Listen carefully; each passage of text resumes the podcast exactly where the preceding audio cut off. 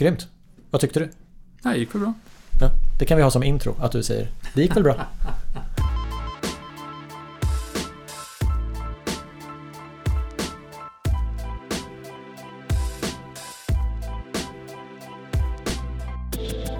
Många av oss fick en obehaglig överraskning när elfakturan för december skulle betalas. Visst att vintern hade varit kall, men den hade väl ändå inte varit tre gånger så kall som förra året? Nej, så var det förstås inte. Men vad var det då? Hade vi bara nått upp till en tredjedel av förra årets elproduktion? Nej, så var det faktiskt inte heller. Men hur funkar det? Och vad behöver vi i Sverige göra för att slippa hamna i liknande situationer i framtiden? Jag ville veta mer, så jag bjöd in en expert inom området. Min nästa gäst har arbetat med energifrågor ur en rad olika perspektiv och han har ett CV som enligt mig på ett tydligt sätt visar att det är en person som vet vad han pratar om. Och nu ska vi prata om Sveriges energiförsörjning. Låt mig presentera Thomas Kåberger.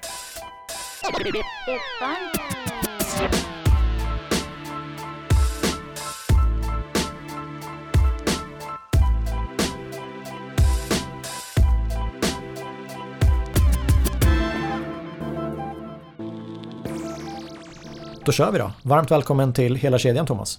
Tack så mycket. Hur vill du presentera dig för våra lyssnare? Ja, energinörd som har aktivt bytt perspektiv på energifrågor och jobbat eh, med miljöorganisationer och branschorganisationer och i företag och akademiskt och eh, i statliga utredningar och varit chef på Energimyndigheten och jobbat i EU och i Kina och Japan och försökt lära mig energi ur alla möjliga olika perspektiv. Pågående uppdrag just nu, vad fokuserar du på? Jag har ju ett uppdrag på Chalmers att eh, koordinera energiforskningen på Chalmers och försöka utveckla den. Och jag har ett uppdrag i Japan där jag sedan 2011 har varit arbetande styrelseordförande i ett institut som jobbar med att eh, få fart på förnybar energi i Japan. Så det är väl de två huvuduppdragen jag har. 2011, det var ju även året för kärnkraftsolyckan i Japan. Är uppdraget kopplat till den olyckan? Ja, det finns ett samband därför att den eh, IT miljardär i, i, i, Japan, Masayoshi Son, som eh, startade institutet genom att donera 10 miljoner dollar för att få igång det. Eh, han, han motiverades ju av att Fukushima-olyckan visade att kärnkraften inte var så säker och stabil och billig som han hade trott innan och att han tyckte att Japan var konstigt efter den internationella utvecklingen på energiområdet. Men den forskningen den är väl global? Eller blir det landspecifikt? Ja, ja. Jag tänker om man ligger efter kan man inte bara snabbt kolla vad som händer runt om i världen? Jo, det, det kan man och det var ju också skälet att eh, eh Son eh, ville ha en eh, internationell ledare för institutet som han sa. Han ville ha någon med blå ögon som var okunnig om japanska traditioner och kunde vara hänsynslöst rationell. Och jag var ju chef på Energimyndigheten i Sverige då och eh, vi hade ju nått våra 2020-mål och jag hade frågat ministern om Eh, om de inte kunde hitta på lite mer ambitiösa mål. För de kunde inte förvänta sig att jag skulle administrera stagnation i nio år. Men eh, den regeringen hade lite svårt att komma överens på energiområdet och då eh, tyckte jag att det här kunde vara ett kul alternativ när jag fick erbjudandet. Spännande det du säger med att hitta på nya mål. För mm. idag när man kollar på nyheterna så verkar ju energifrågan är uppe i varenda sändning. Ja. Så var det inte för tio år sedan. Nej. Men det är mycket som hänt. Alltså, det, det är två olika saker. Dels så har de senaste fem, sex eh, åren varit år med en mycket snabb utveckling när det gäller kostnadssänkning för förnybar el. Som helt förändrade förutsättningarna för världens energiförsörjning till det bättre. Och sen har ju de senaste månaderna inneburit en eh, ytterligare acceleration av utvecklingen därför att eh, framförallt Europas men också världens beroende av fossila bränslen och eh, kärnbränsle från Ryssland har blivit så plågsamt i samband med Rysslands invasion i Ukraina. Mm. När man pratar om energiförsörjning och Sverige så kan det ju vara bra att få veta hur, hur ser energiförsörjningen i Sverige ut?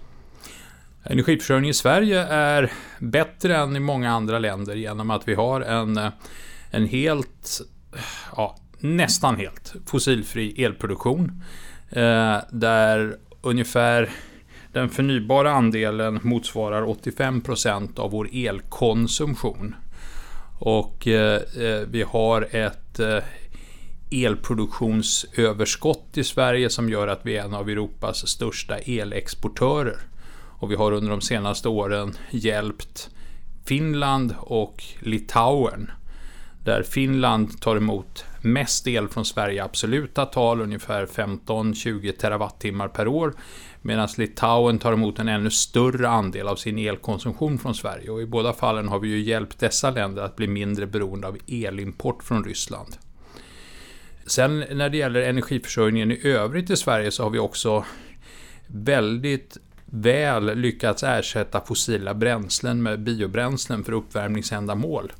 Och det har varit väldigt fördelaktigt för Sverige under de senaste månaderna där många andra europeiska länder använder mycket gas för sin uppvärmning medan vi har eh, kraftvärmesystem i våra tätorter som är försörjda med inhemska biobränslen och det har gjort att vi har drabbats väldigt lite av de här energiprisökningarna.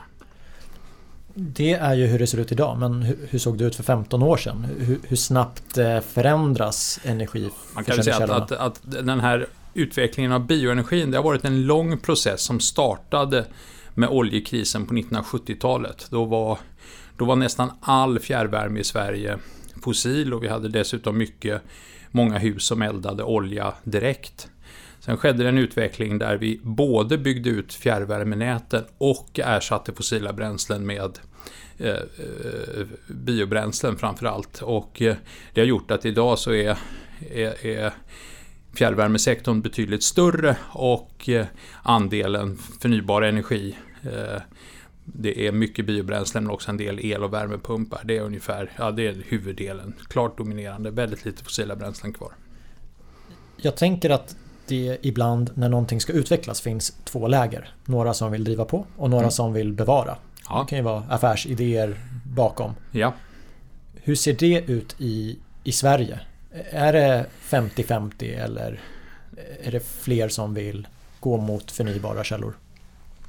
Nej, det har väl varit många som vill gå mot förnybara källor hela tiden och det som har skilt Sverige från många andra länder är ju att vi har haft en eh, politisk majoritet för att minska, aktivt minska beroendet av fossila bränslen oavsett vilka partier som har haft eh, regeringsmakten. Och det har gjort att den här utvecklingen har varit så framgångsrik som den har varit i Sverige. Eh, de partipolitiska konflikterna i Sverige de har alltid gällt kärnkraften och eh, när den diskussionen var som starkast på 70 80-talet, då var ju Sverige det land i världen som var på väg att bli världsledande när det gällde att ha en stor andel eh, kärnkraft och framförallt att ha en stor installerad effekt i förhållande till, eller elproduktion från kärnkraft i förhållande till invånar, invånarantalet. Eh, och, och, där är vi fortfarande ledande i världen. Och även om vi nu har stängt de äldsta, minsta reaktorerna av ekonomiska skäl så, så eh, när nu energipriserna går upp så går det ju naturligtvis att eh, återigen börja diskutera kärnkraftens roll. Och jag tror att det finns en rätt bred enighet idag för att eh, väl vårda och ta hand om de existerande kärnreaktorerna. Eh, Medan däremot det är nog inte så många egentligen som tror att det är ekonomiskt rationellt att bygga nya reaktorer. De reaktorer vi har, de har driftkostnader mellan 20 och 40 öre per kilowattimme för att hållas igång nu. Och det är ungefär vad ny förnybar elproduktion kostar också. Vi ska komma in på det mer i detalj senare, men jag reagerade på en sak för att du sa att det alltid har varit en fråga. Men ja. jag upplever att det är det senaste året som jag har nåtts av ja. den frågan. Den har väl återuppväckts. Eh, det, det var ju en lång period där kärnkraftens ekonomi och risker och sånt diskuterades väldigt lite. Eh, och eh, där det var en, en, det fanns ju ett folkomröstningsresultat och en eh, och riksdagsbeslut efter det som handlade om att kärnkraften skulle avvecklas, att det var målet. Och sen nu när, när Eh, så har det börjat ifrågasättas därför att det har inte varit så mycket eh, aktiv debatt om kärnkraftens eh, risker och kostnader på det sätt som det hade varit innan. Och då har man också sett att det har blivit en, en möjlighet att skapa lite partipolitiska spänningar. Men eh, jag tror att i, i, i branschen bland de kunniga så är inte de här idéerna om, om ny kärnkraft något som, eh, Eh, som man ser som en, en, en, möjlighet på kort sikt. Och erfarenheterna i omvärlden är ju snarare eh, ekonomiskt förskräckande om man tittar på de kärnkraftprojekt som eh, nyligen har avslutats eller pågår i USA och i, i Västeuropa så är ju de ekonomiskt sett eh, synnerligen besvärliga och eh, lönsamheten är absolut inte där. Och vi ska komma in på det. Eh, som privatperson så har jag ju om jag väljer att jag vill ha min el från förnybara källor. Mm. Det är en ruta jag kryssar i i samband med mm. att jag tecknar mitt elabonnemang. Mm. Elpriset, det ser jag ju varje månad. Mm. Och då om man kollar nyheterna så förstår man också att ja, men det är inte samma elpris för alla i Sverige. Det beror på vart du bor. Sverige är indelat i fyra elområden. När kom man på det? Ja, det kom man på för drygt tio år sedan och det drevs ju av eh, att det i Europa finns en eh, princip att eh, elhandeln ska inte styras av gränshinder.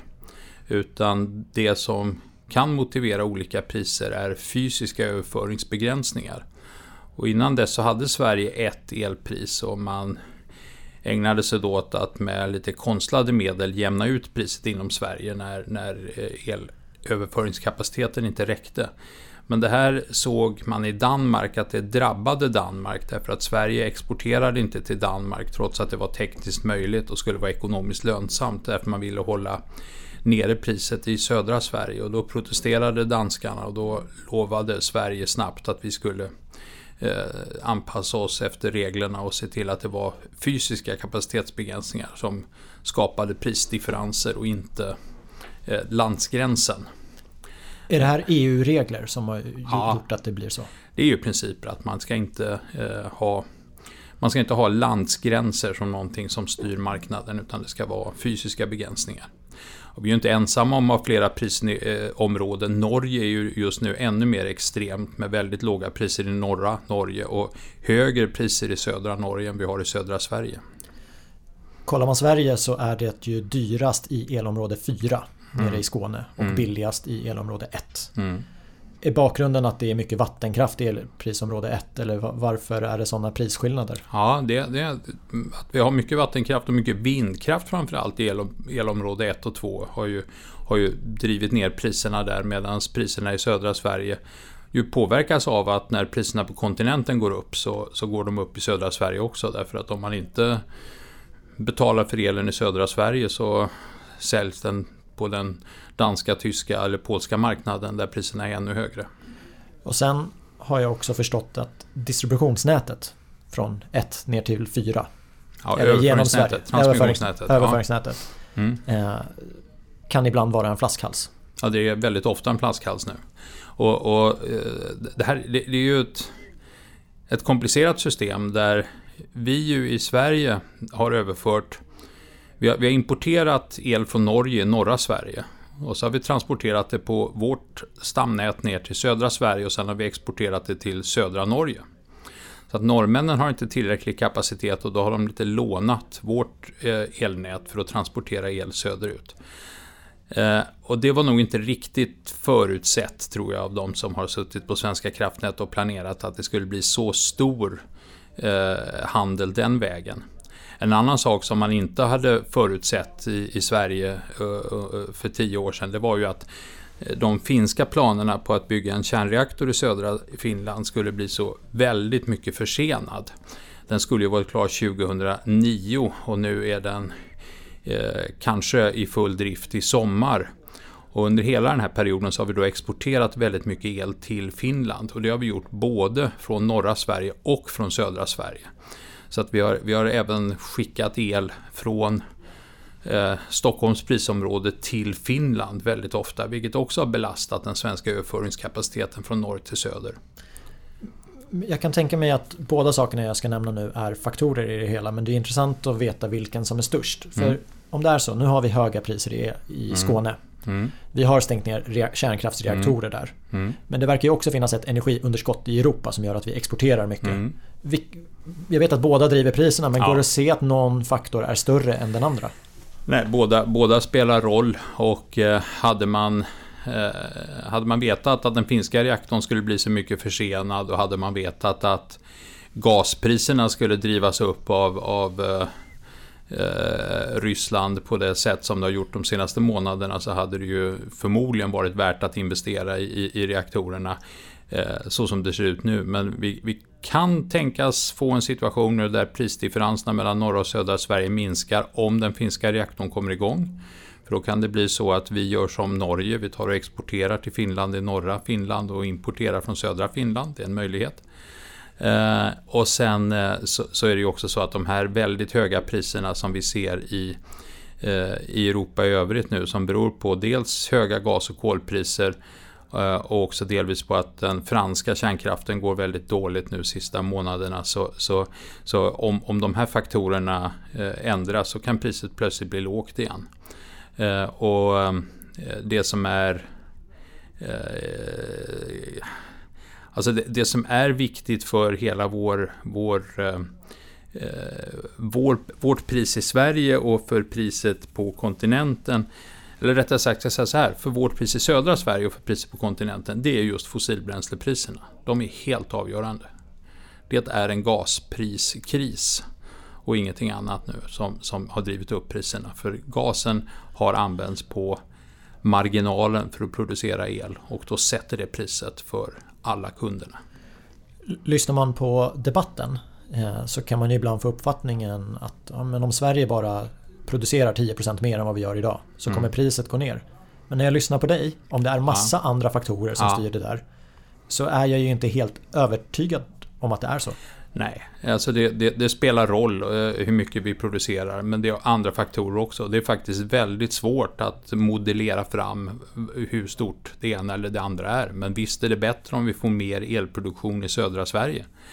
Och ehm, det, det pågår ju nu en, en, en, diskussion om om vi då ska ha ny elproduktionskapacitet, vad är det som kan snabbt komma in? Och det som snabbt kan ge mycket energi i södra Sverige, mycket el i södra Sverige, det är ju om man kan bygga de Eh, havsbaserade vindkraftparker som finns projekterade i, i, kring Blekinge och längs västkusten.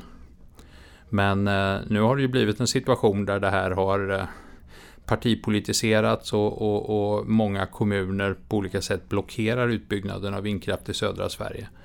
Och eh, det kommer att eh, bidra ytterligare till att priserna inte kan sjunka på det sätt de skulle göra om man ökade produktionen. Ja, men nu nämnde du att det är bra om vi får en elproduktion i södra mm. Sverige. Mm. Vilket jag tolkar då så att om man ska bygga ny vindkraft eller kärnkraft så är mm. det i södra Sverige den ska ja. placeras. Eh, så är det nog så som det ser ut nu.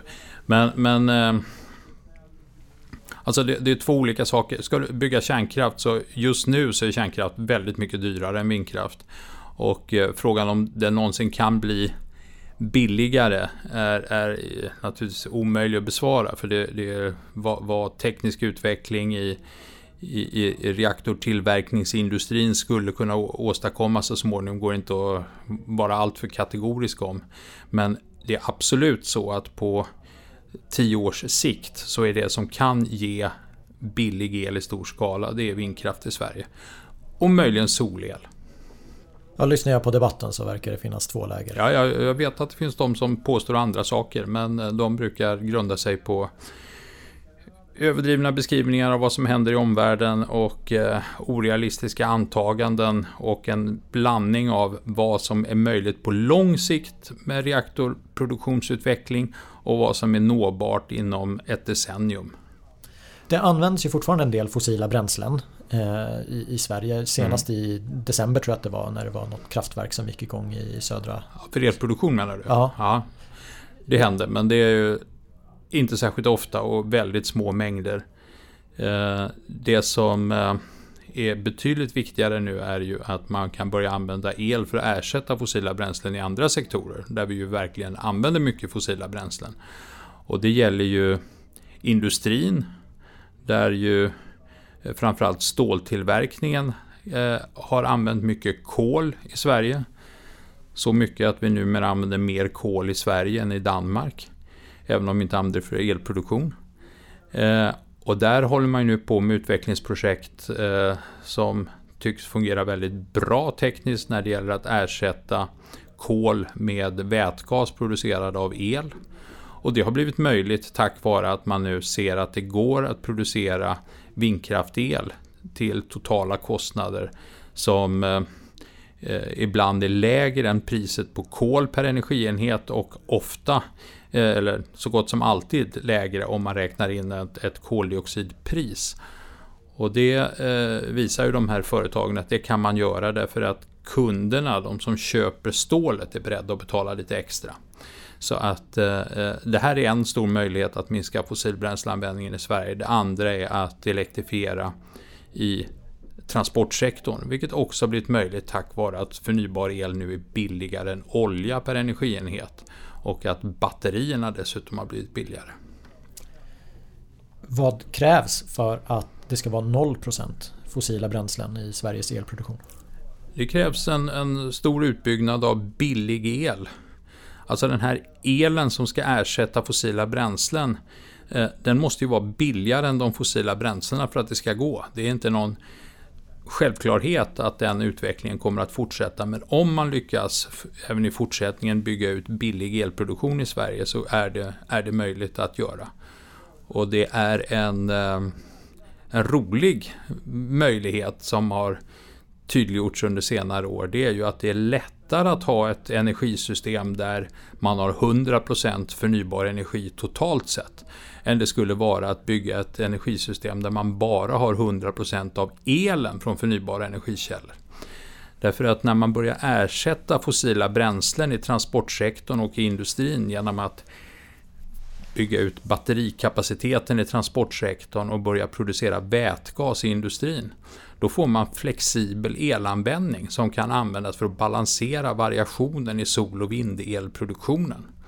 Och, och det skapar eh, mycket stora möjligheter just att göra investeringarna i sol och vindenergi lönsamma och upprätthålla balansen i elsystemet samtidigt som man ersätter fossila bränslen i andra sektorer. För att någonting ska vara billigare, om vi tänker energi från förnybara källor, så tänker jag att det kan ju vara olika saker. Dels mm. kan ju inköpskostnaden för materialen mm. gå ner. Eh, det kan komma subventioner från eh, mm. politiken. Mm. Det kan också bli att eh, insatsvarorna, alltså de fossila bränslena, blir dyrare. Mm. Och att de beskattas hårdare. Vad, mm. vad, vad krävs ja, alltså, i den här utvecklingen?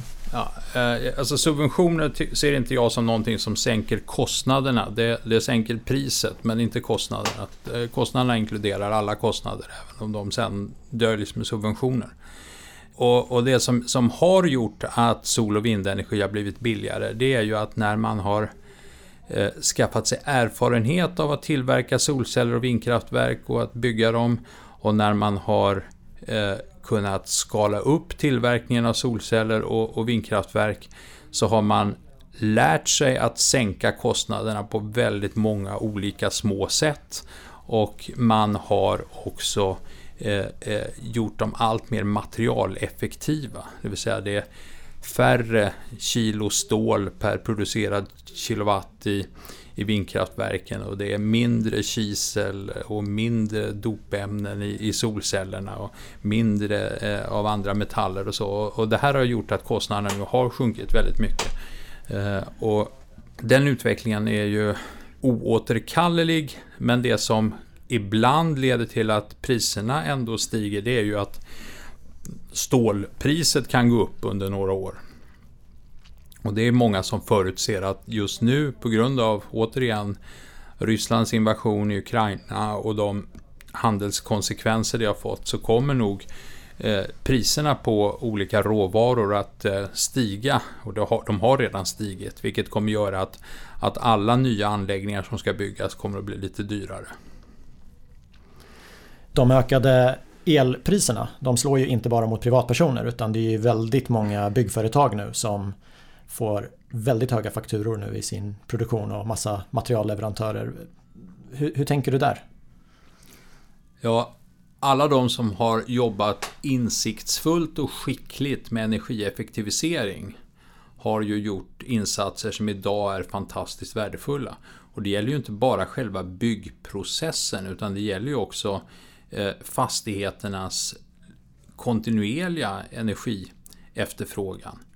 Och det var ju någonting där Sverige under en period var riktigt eh, framgångsrika på att bygga effektiva byggnader. Men vi har ju slappnat lite när eh, fjärrvärmen framstår som eh, billig och med små miljökonsekvenser och elen också som billig så har vi inte riktigt hållit oss så alerta som vi borde när det gäller att använda de tekniska möjligheter som finns att minska energianvändningen. Så där tror jag vi har anledning att rycka upp oss igen. Vad, vad tänker du på för tekniska möjligheter om man kan konkretisera? Jag tänker på eh, mycket som har att göra med att bygga skal till byggnaderna som håller nere behovet av energitillförsel. Jag tänker på tekniska installationer som eh, tar tillvara all den energi som finns på ett smart sätt.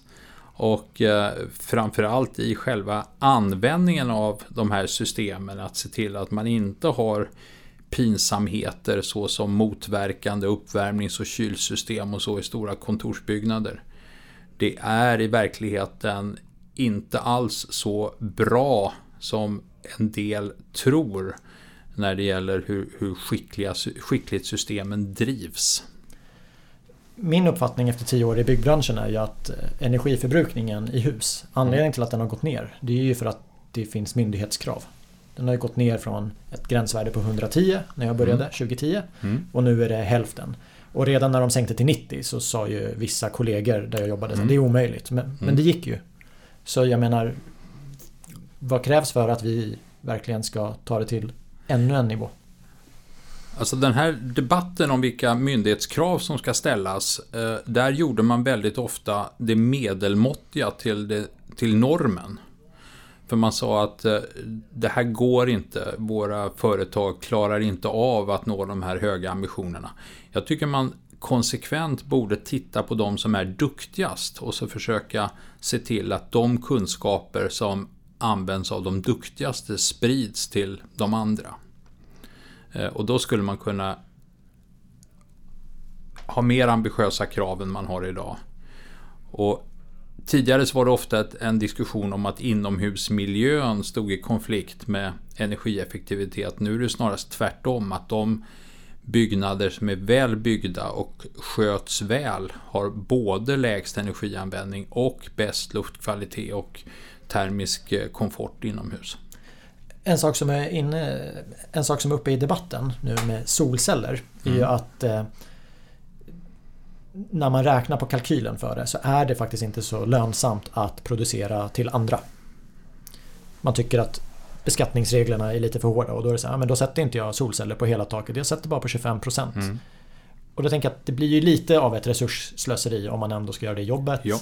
Man bygger systemet i huset. Är det ett mindset eller kan det hända saker där från statligt håll för ja. att underlätta? Ja, det håller på att hända saker och, och, det har väl redan hänt saker. EU har ju ställt krav på att man ska få utveckla energisamfälligheter där man eh, utväxlar energi mellan fastighetsägare utan att man ska behöva eh, gå in i det stora systemet. Eh, så det händer mycket och dessutom så tycker jag att det där har varit ett exempel på att eh, eh reglerna har varit så dåliga att de har fått folk att göra saker som är uppenbart idiotiska. Och ehm, jag kommer ihåg att när jag en gång blev generaldirektör så var det en rutinerad ehm, tidigare minister och eh, generaldirektör som eh, eh, utbildade oss nya generaldirektörer och en av de saker han sa det var att i den svenska statsförvaltningen så var det faktiskt förbjudet att göra saker som var uppenbart dumma. Eh, och jag tycker att ibland måste man tillämpa den där regeln. Att alltså om, om det är så att en lagstiftning skapar incitament som, som ska få en att göra något som är uppenbart dumt. Då kan man faktiskt strunta i det och så hoppas man att lagstiftarna ska vara så smarta att de ändrar de här dumma lagarna. Ja, just nu är det väl gynnsamt om man har bergvärme. För då kan man lagra eh, ja. nere i berget. Men vad tror du? Tror du på vätgasbehållare under bostadshus? Ja, det blir spännande. Det finns ju några sådana exempel. Att man har eh, byggt vätgaslager för att göra fastigheterna helt oberoende av, av elnät och omgivande infrastruktur. Eh, vi kommer nog att se ett ökat intresse för att eh, ha lokala energilager för att minska sårbarheten. För samtidigt som, som vi får de här nya möjligheterna så blir vi också allt mer beroende av att vi faktiskt har fungerande elförsörjning. Eh, strömavbrott är mycket dyrare idag än de var för 20 år sedan. När man följer debatten så i alla fall när jag tittar så ser jag att det är ett kärnkraftsläger och ett vindkraftsläger. Mm. Mm. Ingenting om vattenkraft. Har vi redan maxat den potentialen i Sverige?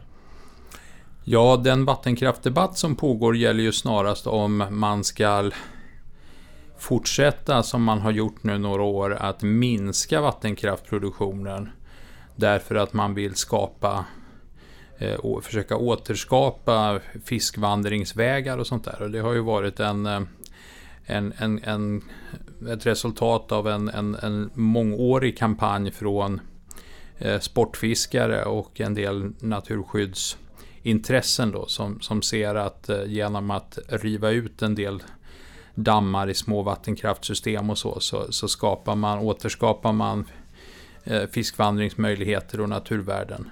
Eh, jag tror att det kommer att vara en, en, intensivare diskussion om det verkligen är värt att göra det nu när vi står inför en, eh, en, en, en stark önskan att minska utsläppen av växthusgaser i Europa och där vi nu också har en akut el och energipriskris på grund av att de fossila bränslena har gått upp så skulle jag kunna tänka mig att den debatten kommer bli mer intensiv de närmaste månaderna. Jag tänkte att vi ska beröra eh, vattenkraft, vindkraft och kärnkraft med lite mm. snabbt med för, för och nackdelar. Mm. Eh, och, och, vattenkraften, när jag lyssnar på dig, så en nackdel är fiskarnas naturliga rutter påverkas. Ja. Hur känsliga är vi för om det inte snöar så mycket en vinter? Ja, det, det, även, även vattenkraften har ju variationer mellan år beroende på hur mycket det regnar och snöar. Och det har ju varit en, eh, en anledning till att vi i Norden byggde ut vår, eh, vårt elöverföringsnät. Det var ju just att eh, Sverige och Norge, eller norra Sverige och Norge under normala år är stora exportörer av, av el därför att vattenkraften producerar mycket. Men sen har vi haft sådär, storleksordningen någon gång per decennium perioder på ett par år när det har regnat och snöat lite och då har man istället behövt importera till exempel till Norge. Eh, så, så att eh, alla, alla olika sätt att producera el har variationer som är okontrollerbara. Alltså, kärnkraftverken har ibland tekniska problem och ibland så är det många reaktorer i ett land, till exempel just nu i Frankrike, som har problem och då behöver man kunna importera. Vindkraft och sol producerar när det blåser och när solen skiner och det gör den inte alltid. Eh, vattenkraften producerar när det har regnat och snöat ordentligt och det gör det inte alltid utan ibland blir det brist där också. Och kolkraftverk kan drabbas av att eh, kolgruvor översvämmas och det blir svårt med leveranserna eller att man har tekniska problem precis som eh, stora kärnkraftverk. Då kan man förlora mycket effekt när det blir tekniska fel i, i kolkraftverk. Men min bild av debatten är att jag hör ju oftare liksom, vad gör vi när det inte blåser? Ja, än ja. att, eh, ja, men, oh. vet du vad, det blir tekniska men... fel i kärnkraftverk också. Och så tänker jag, okej, okay, men när det inte blåser, vi är väl hyfsat duktiga på väderprognoser så att man vet att nästa vecka kanske inte blåser så mycket. Ja, det, det, det, det är en bra poäng eh, som du har där, därför att eh, det har ju funnits sådana här ord som har använts som planerbarhet och så. Då kan man ju säga att sol och vindenergi är planerbara i den, möjlighet, i den meningen att de är förutsägbara så att man kan planera för eh, elanvändning och annan elproduktion när de inte producerar. Medan kärnkraftverk som är styrbara och man kan slå av och på avsiktligt ibland drabbas av tekniska fel som leder till oförutsägbara snabbstopp vilket är ett stort problem för elnätsägarna och för elmarknaden för då ska man utan att ha kunnat förutsäga det och planera för det, hantera konsekvenserna av sådana snabbstopp. Och sen kan man få de här problemen som i Frankrike nu att många reaktorer står stilla därför att man har sprickor och korrosionsproblem och sådana här saker som gör att man av säkerhetsskäl inte kan driva dem. Eh, så, att, så att det finns problem med alla olika sätt att producera el. Är, är, man måste lära sig att hantera det och vissa är lättare att hantera eh, och, och vissa är svårare att hantera. Både när det gäller elnätstabilitet och när det gäller elmarknadens sätt att hantera dem. Men, men inom kärnkraften tänker jag att det finns ju en planerbarhet för att man kan planera in ett underhåll. Och gärna ja. gör man ju det under juli månad. Ja, ja. Men hur ofta blir det oförutsedda stopp? Ja, eh, det, det, det, är två olika eh, typer av stopp. Då. Det ena är det som man har i Frankrike där, där man har hittat tekniska brister som har gjort att man är tvungen att stänga reaktorerna. Och då blir det ganska lång tid när man ska reparera dem. Eh, sen har vi, eh, vi hade ju ett sånt i, i Sverige när man tappade ett bränsleelement i Ringhals och en reaktor stod stilla i många månader. Eh, men sen har man de här snabbstoppen och bara risken för snabbstopp leder ju till att man måste ha eh, en överkapacitet att hantera snabbstoppen i resten av systemet. Och där hade vi ju en episod för ett par år sedan när Svenska kraftnät var oroliga för att stabiliteten i södra Sverige inte riktigt var tillräckligt god. Om Oskarshamn 3, den stora reaktorn, skulle snabbstoppas så skulle det inte finnas tillräckligt mycket reservenergi i, i systemet för att hantera det och då betalade man Vattenfall för att man skulle driva eh, Ringhals 1 som man då hade stängt därför att man inte ens kunde täcka driftkostnaderna detta år när det var rekordlåga elpriser i Sverige.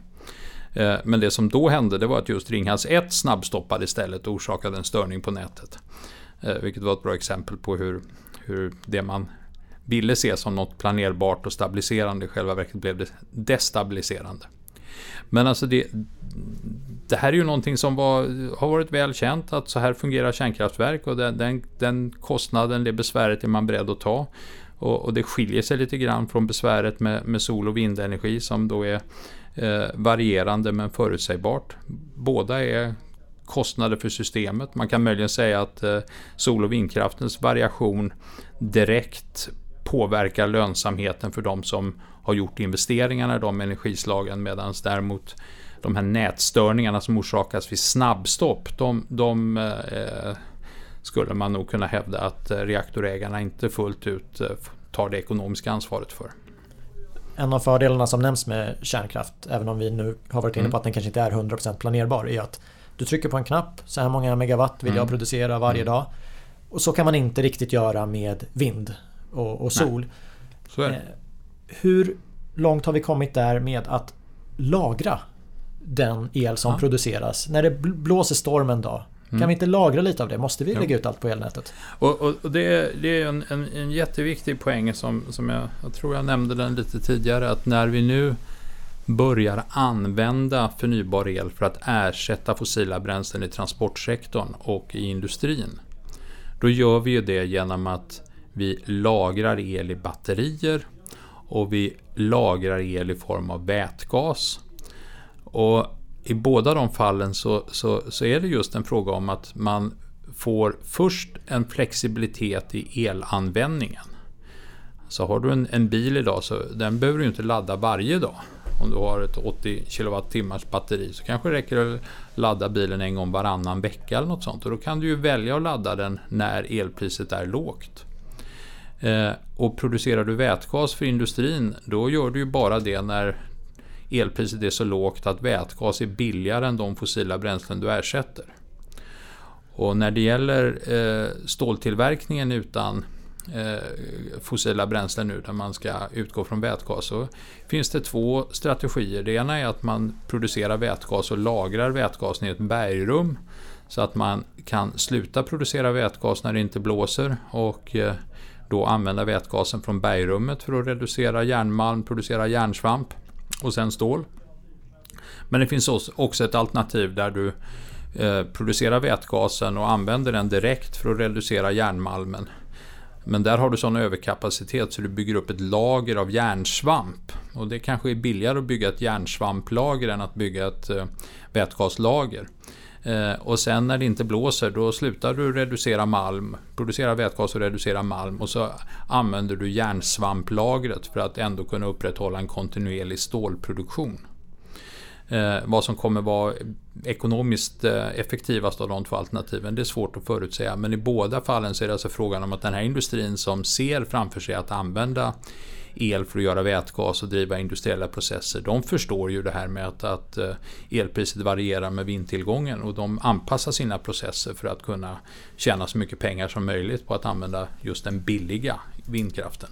Men förstår jag dig rätt då att batterier ja. Det är en mer decentraliserad process. Man har lite batterier Japp. här och var och vätgas då snackar vi om större lager. Ja, så är det. Och dessutom har de lite olika tidsskalor. Alltså batterier är väldigt bra för att hantera eh, obalanser i elnätet från tidsskalan bråkdelar av sekunder till eh, några dagar medan eh, vätgasen kan hantera veckor och kanske till och med månader.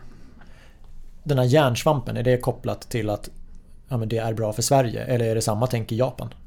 Det är en mycket viktigare fråga i Sverige eftersom Sverige är det land som eh, bryter ja, storleksordningen 90% av all järnmalm i Europa. Vi är en väldigt stor producent av, av, av eh, stålprodukter och eh, det är en viktig industri i Sverige och om vi inte klarar av att utveckla den här tekniken så finns ju då risken att man i Saudiarabien eller södra Europa där man har billig solel kommer att bli den som producerar vätgasen och som lockar till sig den här industrin. Så att det här är en, en fråga om att upprätthålla en svensk konkurrenskraft i den här industrin och en stor möjlighet för Sverige att faktiskt öka förädlingsgraden på, våra, på vår järnmalm och eh, skapa fler industriella arbetstillfällen. Om vår fordonsflotta blir mer el. Ja. Då kommer vi ju kanske ladda bilarna på natten när det är billig, mm. billigt elpris. Och så slutar vi tanka och det är rätt mycket skatter när vi mm. tankar med ja. fossila bränslen. Mm. Och ibland så finns det en rädsla för att på något sätt så kommer man se att den här mm. elen används till att ladda din bil. Mm. Och då ska den beskattas annorlunda. Vad tror du? Mm.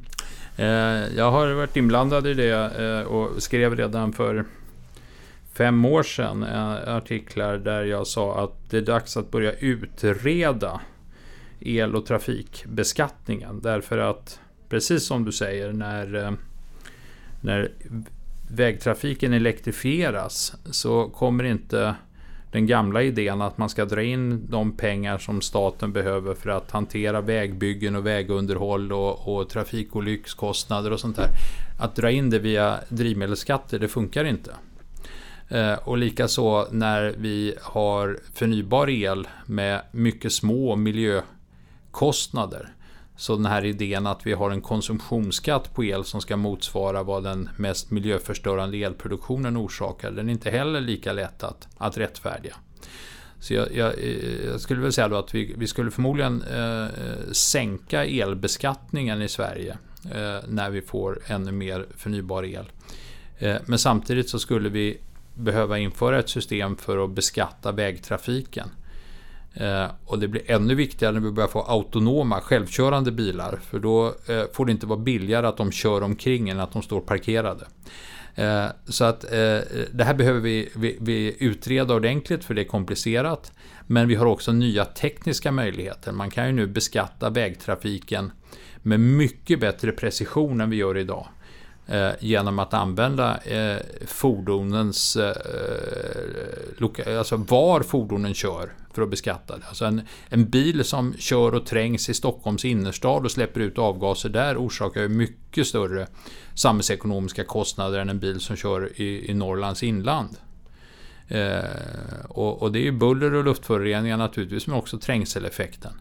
Så att om man införde ett sådant geografiskt betingat eh, beskattningssystem så skulle ju den orättvisa som ofta upplevs mellan stad och land när det gäller bränsleskatterna, drivmedelsskatterna, den skulle man kunna lösa. Därför att man skulle inte behöva betala för att man bullerstörde folk när man var ute och körde i Norrlands inland. Men när man körde på, på Tegnérgatan så skulle man få göra det.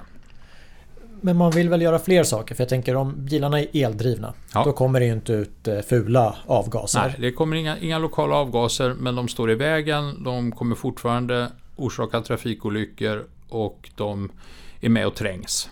Ja, och de trängs. Och så kanske mm. vi sänker hastigheten i innerstan till 30 km i timmen. Då går olyckorna ner lite. Mm. Bullret går ner. Mm. Däcken kanske utvecklas av något återvunnet Mm. material. Mm. Vi går ju ändå åt ett håll där det så som vi tänker idag. Det, Mm. det kanske inte funkar om tio år. Nej, nej. Alltså, det, det, det, det händer mycket just nu och därför gäller det att man, som jag har sagt då flera gånger, börjar utreda de här skattefrågorna. Därför att beskattningssystemet är jättekomplicerat. Man behöver tänka på det några år. Det här är ingenting som lämpar sig för ett snabbt slagordsbaserat eh, politiskt krav och reform. Utan det här måste man tänka igenom.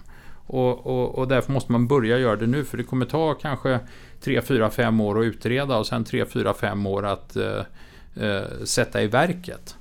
Så att jag skulle nog eh, gärna använda varje tillfälle att tala om för regeringen att eh, det är en bra idé att tillsätta en utredning om vägtrafikbeskattningen. Ser vi fram emot att följa. Mm. Om vi tänker på byggbranschen. För om man ska bygga nya kärnkraftverk. att Det kanske är mer ett nytt kärnkraftverk Ja. eh, än massa. Men det, Men alltså, det, jag, jag tycker, vi, vi, vi vill inte ens prata om det. Därför att alltså, om det ska byggas kärnkraft i Europa så de två delar av Europa där det är minst lönsamt, det är norra och södra Europa. För där har vi billig solel och billig vindkraft och så. Och, och dessutom alla andra problem med, med varierande eh, sol och vind, de är minst i Sverige därför vi har så mycket vattenkraft tillgänglig. Så kärnkraft kommer att, om kärnkraft blir aktuellt så blir det nog i Frankrike eller Tyskland eller något av de här länderna där man inte har så, så goda resurser. låt mig formulera om frågan. Ja, När Cementa inte fick eh, sitt tillstånd godkänt. Mm. Då gick ju byggbranschen i taket. Mm. Bara, Nej, men vi, vi kan inte sluta bryta kalk eh, där i Slite. Vi, vi måste ha cement. Mm. Och vi är en samhällskritisk bransch. Har vi inte cement Mm. så kan vi inte. Ja. Mm. Nu är det ju ganska många vindkraftsprojekt som blir överklagade och nedlagda. Mm. Och jag tänker att om de inte blir det Mm. så kommer ju byggföretagen att bygga de här. Och Mm. det kommer möjliggöra massa anställningar. Mm. Jag har inte hört byggföretagen riktigt ta ställning i den här frågan. Nej. Vad vill du se därifrån?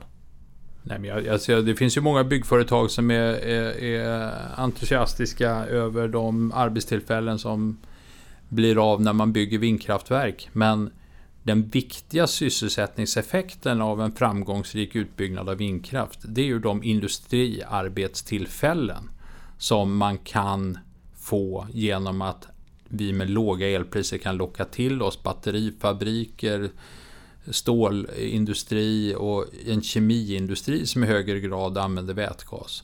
Och eh, tillsammans med byggindustrin så är ju detta arbetstillfällen som dessutom är eh, riktiga anställningar med kvalificerade arbetsuppgifter som gör att man får bra löner. Och de senaste åren så har ju väldigt mycket av arbetsmarknaden utvecklats av mer betjäningsföretag, alltså eh, olika budföretag och transportföretag och, och, och, och, och, och- och städföretag och sånt där, där lönerna har varit väldigt låga eftersom det är nödvändigt för att man ska kunna sälja tjänster till andra privatpersoner. Men, men att få en arbetsmarknad med en större andel kvalificerade industriarbetstillfällen med högre löner och återskapa en, en tydlig medelklass tycker jag är en mycket roligare del av utvecklingen. Då. Vi pratar havsbaserad vindkraft. Ja. Och anledningen till att man säger det, är det för att det blåser mycket mer till havs och helhetskostnaden är lägre? Eller är det för att man tänker att vi kommer inte få igenom lika stora vindkraftsparker på land? Det är lättare att bygga stort till havs.